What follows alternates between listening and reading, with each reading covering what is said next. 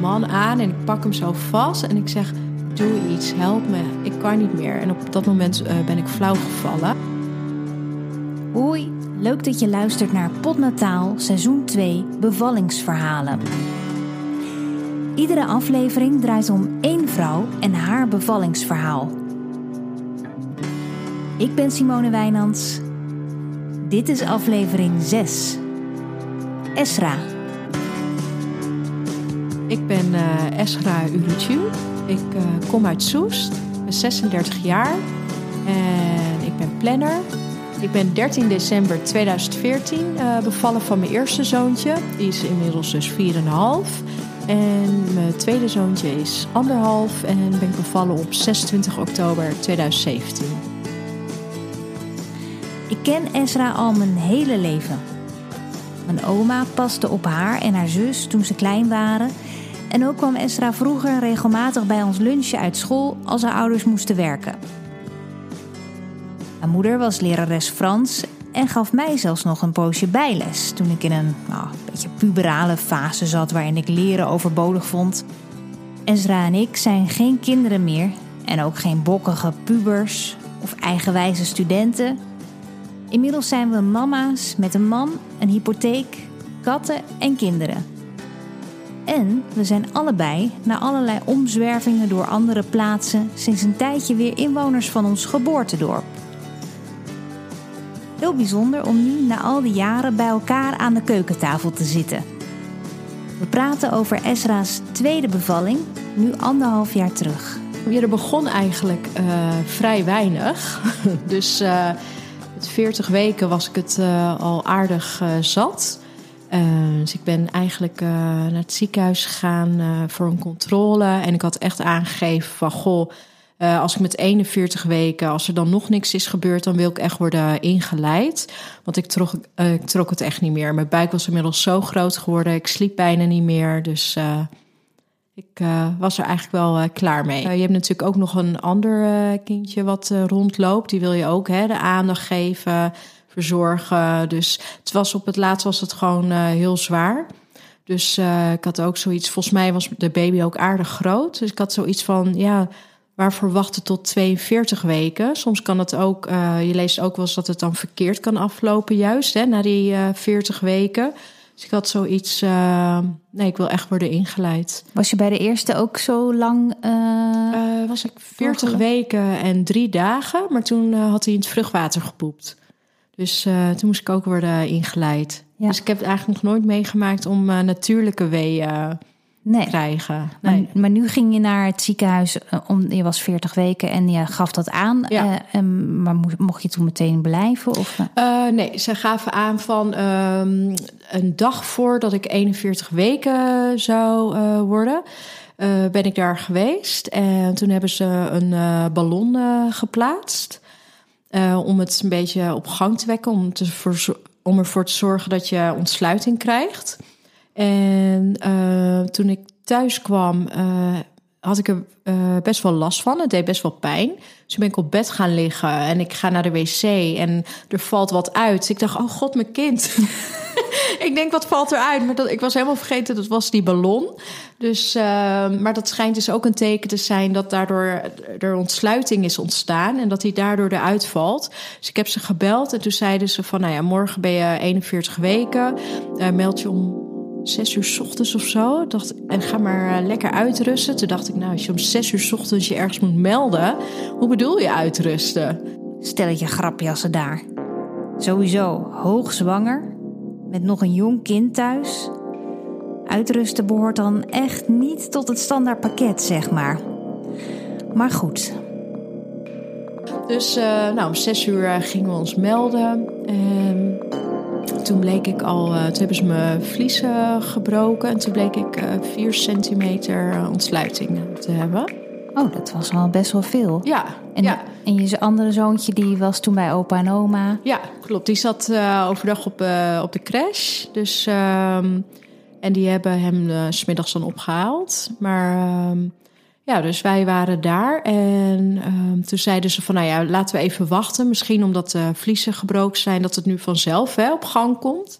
Maar dat wilde niet echt vlotten. Dus uiteindelijk hebben ze toch weer uh, weeënopwekkers. hebben ze toch weer een infuus geplaatst. En ehm, kreeg, werd het toch weer zeg maar opgewekt. Dat was de vorige bevalling ook gebeurd? Ja, ja. Ja, en omdat de volgende bevalling uh, had ik na 12 uur nog steeds maar 1 centimeter ontsluiting, uh, heb ik bij mijn eerste bevalling gekozen voor een ruggenprik, omdat ik niet meer uh, kon. Ik had de energie niet meer. Nou, dat was voor mij echt heaven. Echt, in één keer kon ik weer praten. Ik had weer honger. Ik kon wat eten. En um, na anderhalf uur ging ik van 1 centimeter naar 9. En binnen een kwartier eruit geperst. En dus ik dacht echt van, wat er ook gebeurt, ik neem gewoon meteen een ruggenprik. Esra is vastberaden. Die ruggenprik moet er komen. Maar dan slaan de twijfels toch toe. Dus ik, uh, hè, van, nou, ik wil de ruggenprik. En dan gaan toch weer die verpleegkundigen proberen om je er vanaf te praten. Zou je dat nu wel doen? Hè, het gaat zo goed en je kan het. En dan denk je, ja, het is toch wel een ruggenprik. Weet je, als het niet nodig is, ja, want dat was op het moment dat je 4 centimeter ontsluiting uh, had. Nou, dat was dan ongeveer uh, weer ja, een uur later, anderhalf uur, zoiets. Ja. Maar ik was bang dat als je te lang wacht, dan kan die ruggenprik niet meer. Dus ik dacht... Uh, die pakken ze mij niet af. Ja, it ain't gonna happen. ik, dacht, ik wil die ruggenprik. dus ik dacht, nou ja, ze heeft gelijk. Hè? Misschien lukt het me zonder ruggenprik. Nou, twee uur ga je van de pijn. En toen ging ik eens kijken, had ik nog steeds maar 4 centimeter. En toen dacht ik, ik moet gewoon op mijn eigen gevoel, uh, naar mijn eigen gevoel luisteren. Ik wil een uh, ruggenprik. Nou, een uur later uh, werd de ruggenprik gezet. Dat duurt altijd even hè, voordat ze dat zetten. Ja, want ook waarom beschikbaar dan? zijn, oh, ja. een anesthesist. En um, nou, toen eenmaal die ruggenprik was gezet, ging het weer beter. En uh, twee uur later uh, had ik weer ontsluiting. Uh, volgens mij negen of zo, of acht of negen centimeter. Dus het ging heel rap. En wat, ja. wat deed je in de tussentijd? lekker zitten, lekker kletsen, even op mijn telefoon of een berichtje sturen. Dus je bent dan echt weer helder. Je bent weer op de wereld, zeg maar. En als je die pijn hebt, nou, dan kan je bijna niks meer. Dan uh, vooral als je volgens mij rugweeën, dat heb ik dan steeds gehad. Maar uh, ja, je kan gewoon, je kan gewoon niet normaal zitten. Je weet je geen houding te geven. Dus uh, ja, toen eenmaal die rugprik was gezet, uh, was ik weer even mezelf. Had je van tevoren wel iets van een cursus nog gedaan? Of, Bij de tweede niet, bij de eerste wel had ik uh, hypnobirthing uh, gedaan. Dat was natuurlijk helemaal hip in Amsterdam. Toen woonde ik nog in Amsterdam. En dan moest je je dus inbeelden van... Uh, je loopt op het strand, de golven, dat zijn weeën. Maar denk aan iets moois. Nou, ik had een tsunami, dus ik kon me daar helemaal niet meer... Dat werkte niet voor mij. Dus ik dacht bij de tweede keer van... ja, ik ga me echt niet meer... Ik ga zoiets niet doen. Het werkt bij mij niet. Het is toch te zweverig en ik kan me niet ontspannen. Wat ik dan misschien wel nog had kunnen doen was yoga. Maar toen was ik weer net te later mee of uiteindelijk niks gedaan. Geen cursus dus, maar dat is ook niet nodig. Tot nu toe verloopt de bevalling eigenlijk op rolletjes. Toen dacht ik, oh, dit gaat echt perfect, weet je. Maar... Hoe laat was het toen inmiddels, denk je? Ik denk dat het toen ongeveer uh, 1 uur half twee uh, was. Ja, zoiets, half twee. Uh, en toen dacht ik van, nou, perfect. Ik dacht nog even en uh, ik mag gaan persen. Nou, persen ging bij mijn eerste zoontje ook echt uh, binnen 15 minuten. Dus ik dacht, nou, gaat helemaal goed komen. Dit is, dit is een makkie. Alle lichten staan op groen. De volgende fase van de bevalling breekt aan. Ze zei van, nou ja, probeer maar te persen. Maar ehm, dat lukte niet. Ik deed echt zo mijn best. Dus misschien kwam dat door de ruggenprik. Maar er gebeurde niks. En het uh, zoveel energie. Maar ik had het gevoel van ja, ik doe dit. Maar ik voel gewoon dat er niks gebeurt. Dat het geen zin heeft.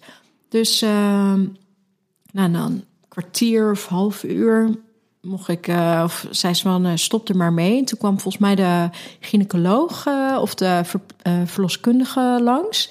En dit was dan weer volgens mij zo'n assistent of uh, in opleiding. Uh, je waren ja. ook niet mensen die je kende verder nu nee, uh, bij. Nee, nee, ik heb echt zoveel mensen voorbij zien komen. het, is echt, het is echt niet normaal. En toen, ja, ik ga het nu overnemen. Hup, en weer iemand zo.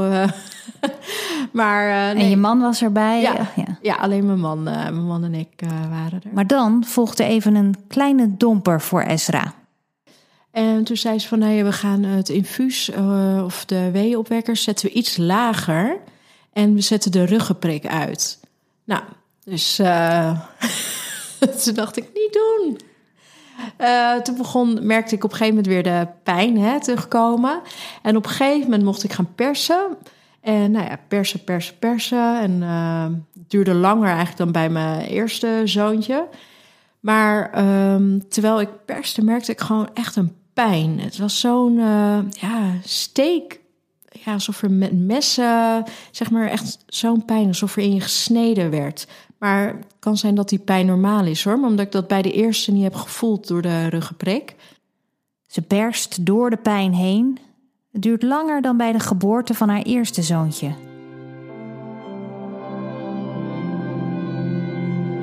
Maar dan is hij daar dat moment, oh, dat wil je. Je wilt dat steeds. Dat is echt zo'n mooi moment. Dat wil je steeds weer overdoen of herbeleven. Maar dat kan niet. Heb je, ja, heb je dat ook? ja, ja, ja, ja dat? zeker. Ja, dat, dat, dat, dat, het zo snel weggaat oh, op dat moment. Echt, ja, hè? ja. Dat is zo mooi. Dat zo'n uh, je eigen kind, weet je, zo op.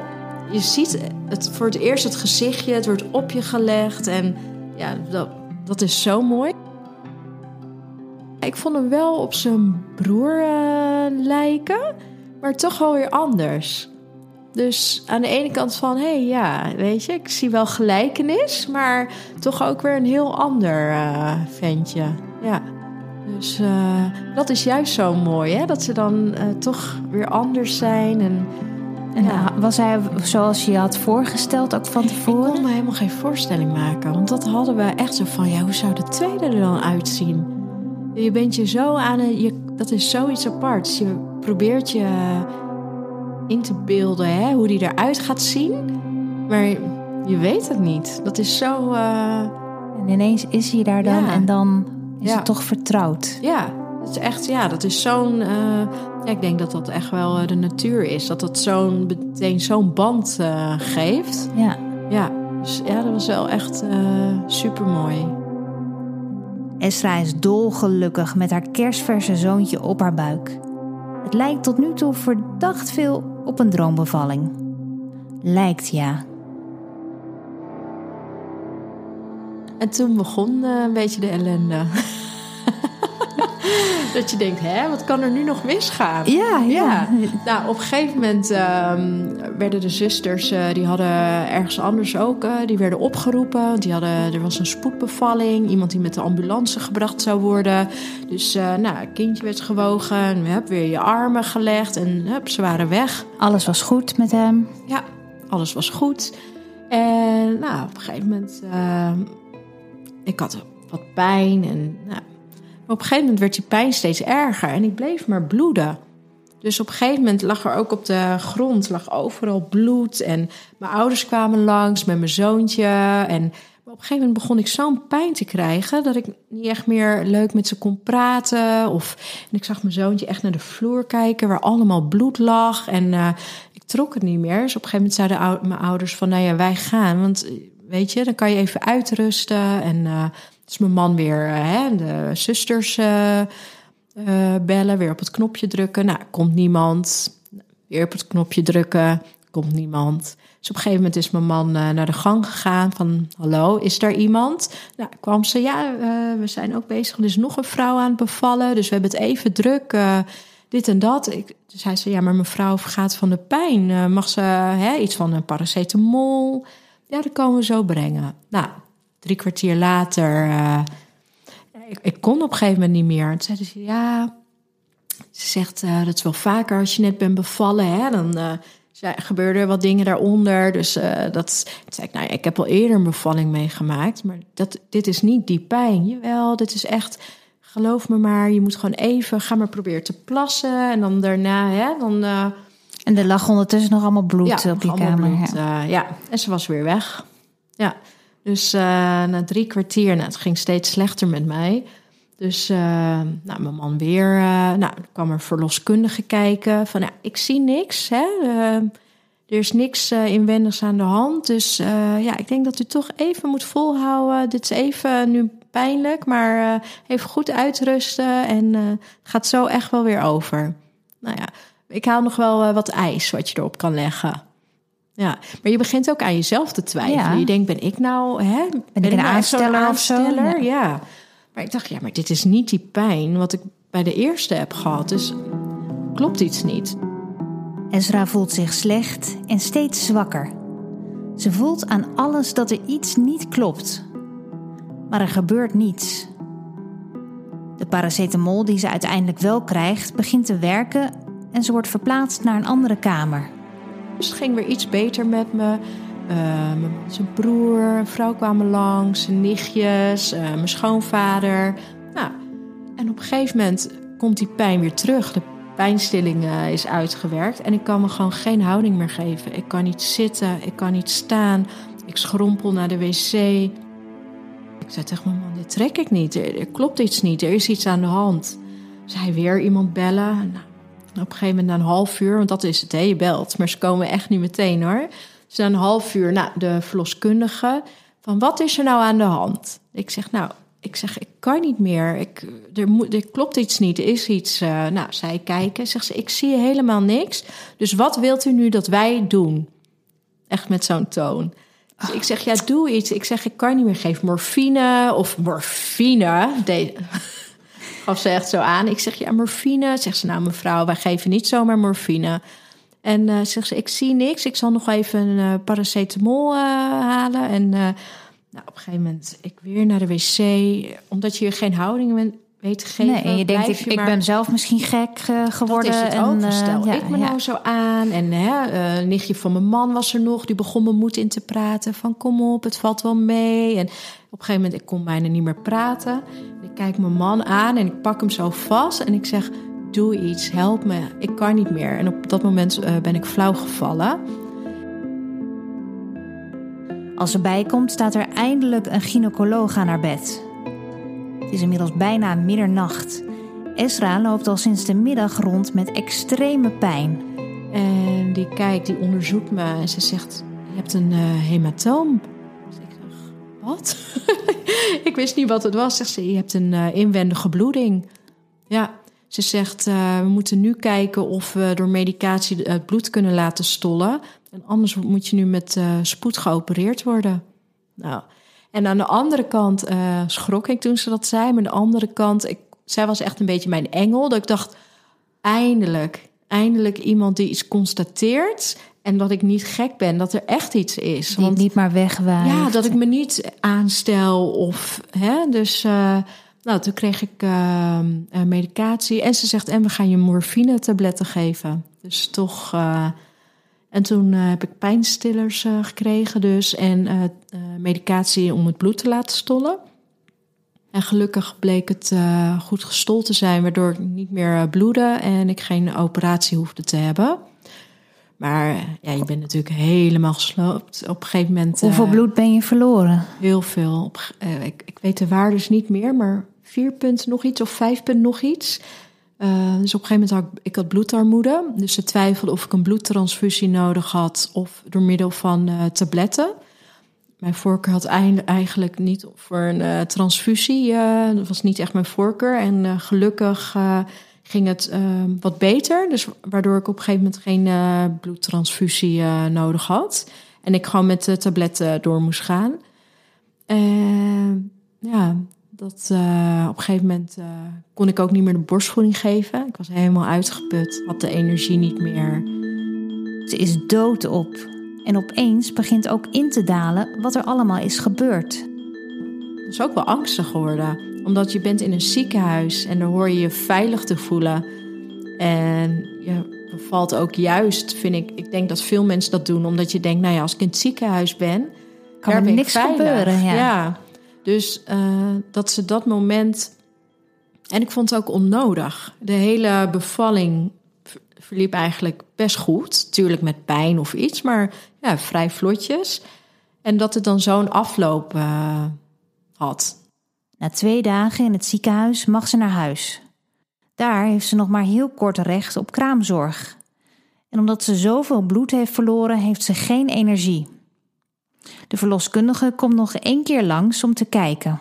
Die avond ervoor voelde ik me niet lekker en ik weet niet, ik had weer buikpijn en daar weer pijn. En, en uh, de volgende ochtend komt uh, de verloskundige voor een laatste check.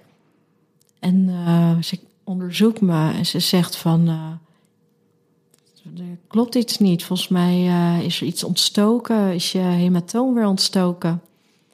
Dus ik naar het ziekenhuis, bleek mijn hematoom uh, weer ontstoken te zijn. Wat, wat is nou een hematoom precies? Ja, dat is een, uh, een soort um, uh, bloed, bloedvatuitspatting. Ja.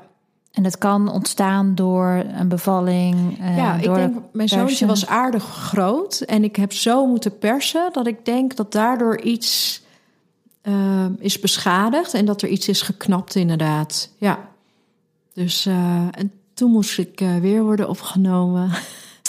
weer aan het infuus, weer in dat ziekenhuis waar je denkt van ik wil weg hier. En uh, dus dat was wel echt een heftige periode. Ook voor mijn man natuurlijk. Die had in één keer de zorg over hè? twee kleine ja. kindjes, is zelfstandige. Dus ja, dat was best wel heftig. En je vrouw die in het ziekenhuis ligt. Want de, de, kinderen bleven gewoon thuis. Die konden niet mee naar het ziekenhuis. Nee, die mocht de tweede keer, mocht, omdat ik geen borstvoeding gaf, mocht de baby niet bij me blijven. Wat ja. vreselijk. Ja, ja, dus dat was, ja, was wel heftig. Ja. ja.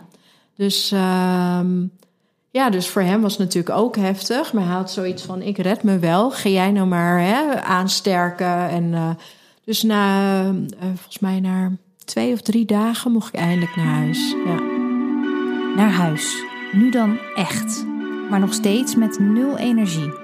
En het extra verblijf in het ziekenhuis heeft er behoorlijk ingehakt. Het is geen uh, fijne tijd. Nee. Omdat je gaat weer terug naar de plek waar je eigenlijk op dat moment helemaal niet wilt zijn. Want het is nog zo vers wat er is gebeurd. En je bent natuurlijk al, hè, je bent net bevallen. Dus je bent natuurlijk al wat uh, zwakker en emotioneler misschien dan anders. Dus dat ik daarna weer terug moest, dat was nog een extra klap uh, voor me. Dus ik heb er daarna ook wel echt last van gehad.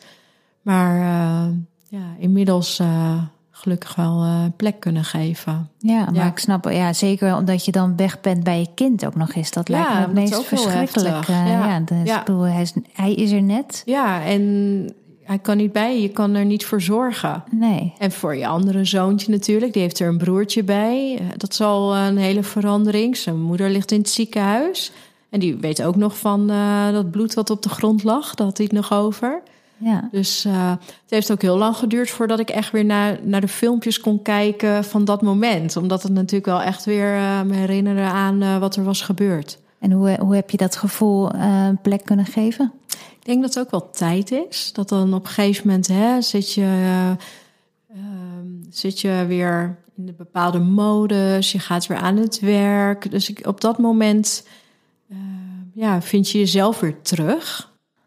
Als ze weer is aangesterkt en alles een beetje een plekje heeft gekregen, keert ze terug naar het ziekenhuis.